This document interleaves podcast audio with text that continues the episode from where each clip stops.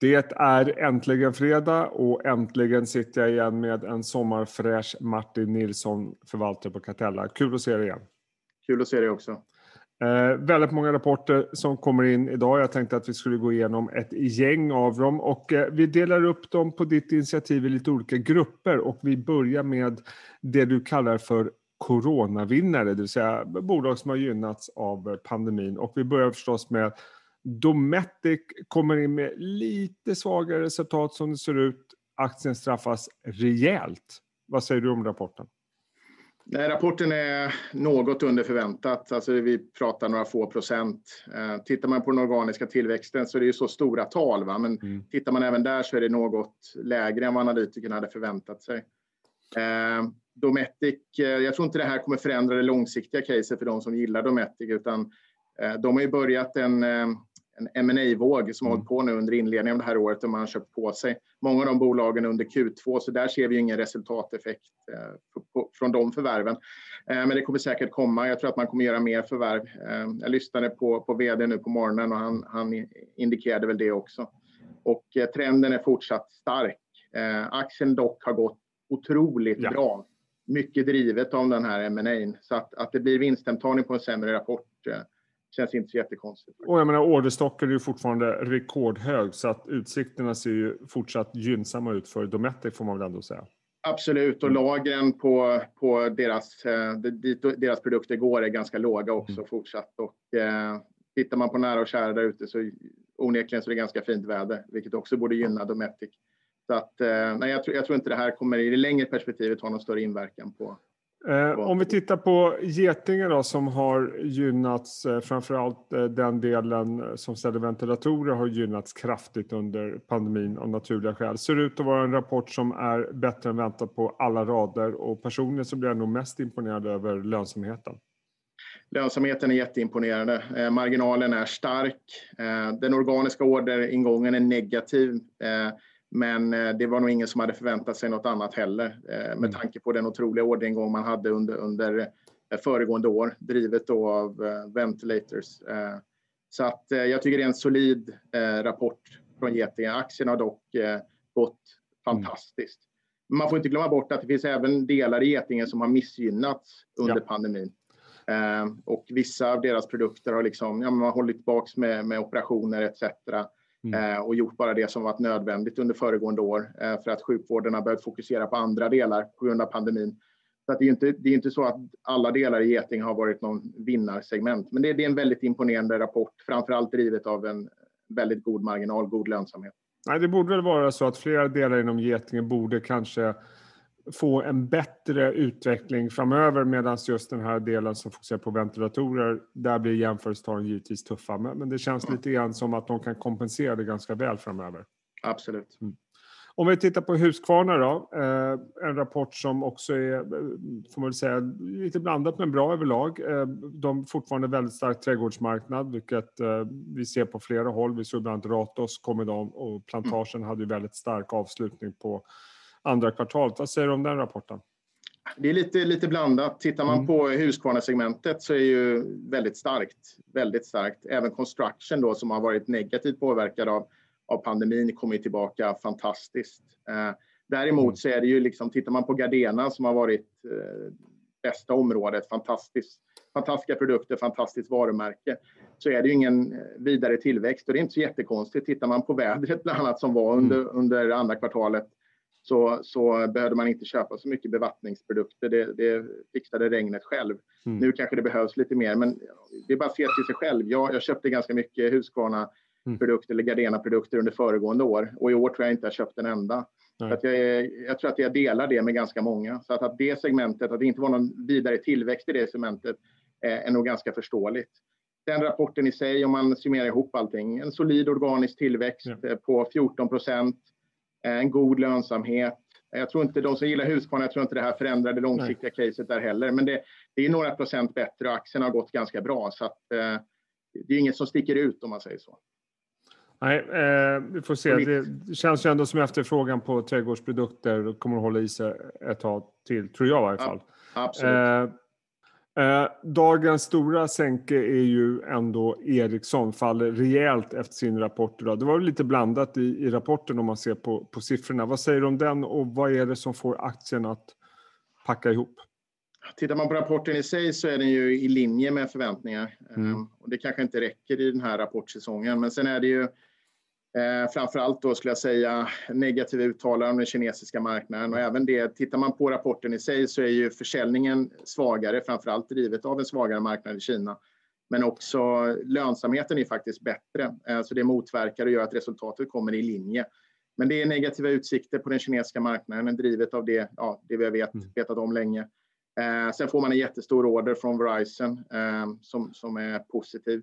Men eh, jag skulle säga att det är framför allt utsikterna på den, på den eh, kinesiska marknaden som, som sänker aktien idag. Och hur, hur, allvarligt är det egentligen? Det är givetvis en stor marknad, men, men vad kommer det ha för betydelse? Alltså uppenbarligen tolkar marknaden som att det är riktigt dåligt. Det, det, som händer inom det här området så är väl eh, Ericsson är både en vinnare och förlorare mm. och det är på något sätt. De blir en vinnare på andra marknader där de kommer kunna ha möjlighet att ha en starkare position om, om vissa länder kanske väljer bort eh, kinesiska alternativ. Men det är självklart då så, så svarar ju Kina eh, med, med samma mynt och kommer satsa på sin inhemska industri, vilket också kanske är, finns en viss logik mm. i, i deras sätt att se det i alla fall. Eh, så att eh, Ericsson kommer ju gynnas på vissa marknader och missgynnas på, på, på andra självklart. Eh, om vi tar andra techbolaget, eh, Sinch kommer en mm. rapport som är jättestark och framförallt så är det en organisk tillväxt som är häpnadsväckande bra får man mm. väl ändå säga. Eh, mm. Vad säger du om den? Aktien stiger också. Alltså aktien har varit svag inför mm. rapporten och det vi brukar kalla för whisper har nog varit att de ska komma med lite sämre rapport. Jag tror också att analytikerna har tagit ner sina förväntningar inför, inför rapporten, vilket då sam, sammanfaller med en lite svagare aktieutveckling. Så att de kommer med eh, en 4% i bit på rapporten mot nedställda förväntningar kan man väl säga, vilket får sägas vara eh, solitt. Jag skulle säga att det är en relief i aktien just nu, att det kanske inte var svagare än väntat. Men titta, det, det, det är svårt att säga svagare när man ser den fantastiska ja, organiska tillväxten man har i bolaget. Och man kommer säkert fortsätta med, med eh, på ma spåret Eh, liksom göra förvärv och kanske mm. då finansiera det bland annat med att ta in eget kapital som man har gjort framgångsrikt också. Så att eh, det, det, påverkar nog inte. Sen får man inte glömma bort att Sins har en hög värdering. De är typiskt tillväxtbolag, de växer snabbt och har en hög värdering. Men eh, rapporten är nog en, en liten relief för de som, som följer det här bolaget. Och med den tillväxten så förstår man ju att det är en hög värdering om det kan absolut, fortsätta så här. Absolut. Eh, ska vi ta lite industri då? Där har vi bland annat, eller industrirelaterat, Lifco kommer in, jag tolkar det som en kanonrapport. Ja, det, det finns inte något annat sätt att beskriva Nej. det på.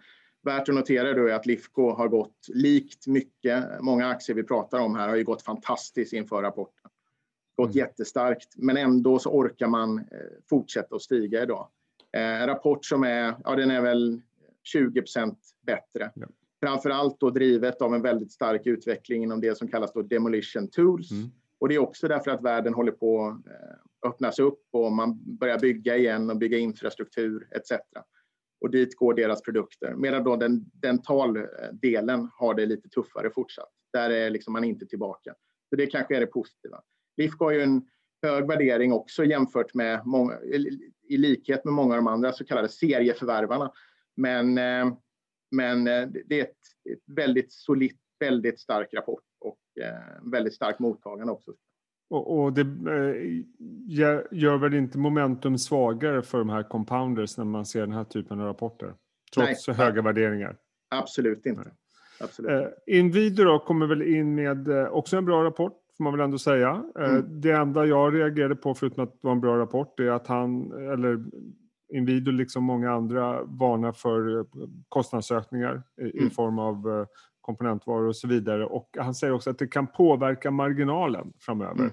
Jag vet inte hur nytt det är eller är det någonting vi ska bli Person... rädda för?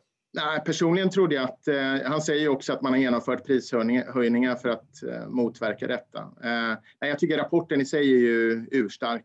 Ehm, ja. Det positiva i rapporten är ju, tittar man på de, de delar som varit starka under en längre period och även under pandemiperioden, så är det e-handelsdelen och konsumentdelen. Det vill säga, vi har bytt fönster hemma. Eh, helt enkelt i stor utsträckning. Den är fortsatt väldigt stark. Det mm. som kommer igång nu är mer den industriella delen. Och precis som Demolition Tools var för Lifco så, så sätter byggbolagen igång, man accelererar etc. Så det är positivt.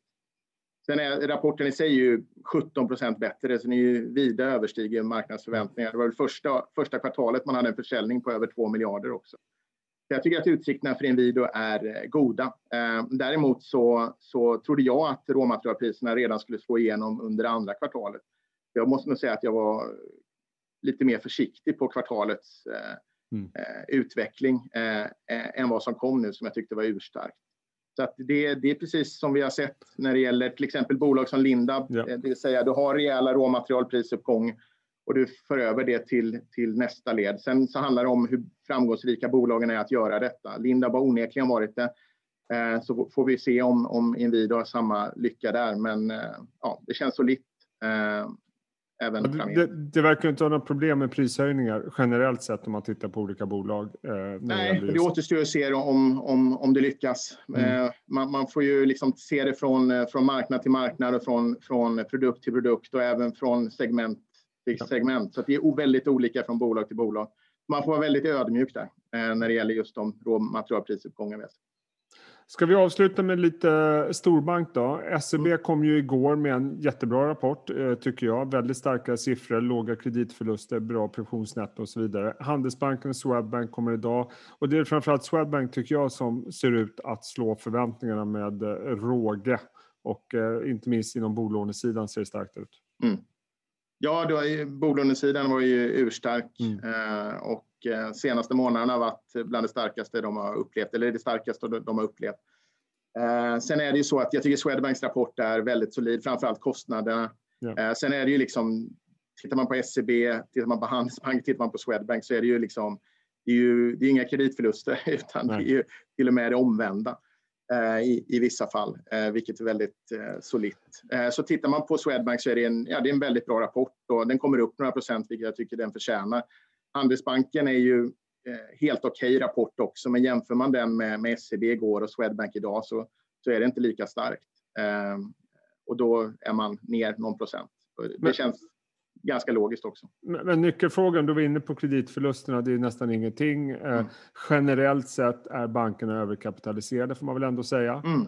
Mm. Vi får nu besked i höst om det här med utdelningar. SEB tror att det kommer bli en gradvis eh, öppning och så vidare. Men det här kommer ju bli utdelningscase inom Absolut. kort. Det måste det bli. Ja, det är klart det blir så. Mm. Det är klart det blir så. Eh, bra Martin, jag tror vi har med allting vi skulle göra. Uh, tusen tack för att du tog dig tid och lycka till i rapportdjungeln och framförallt ha en bra helg. Detsamma. Tack för att jag fick vara med. Sköt om dig. Ha det gott.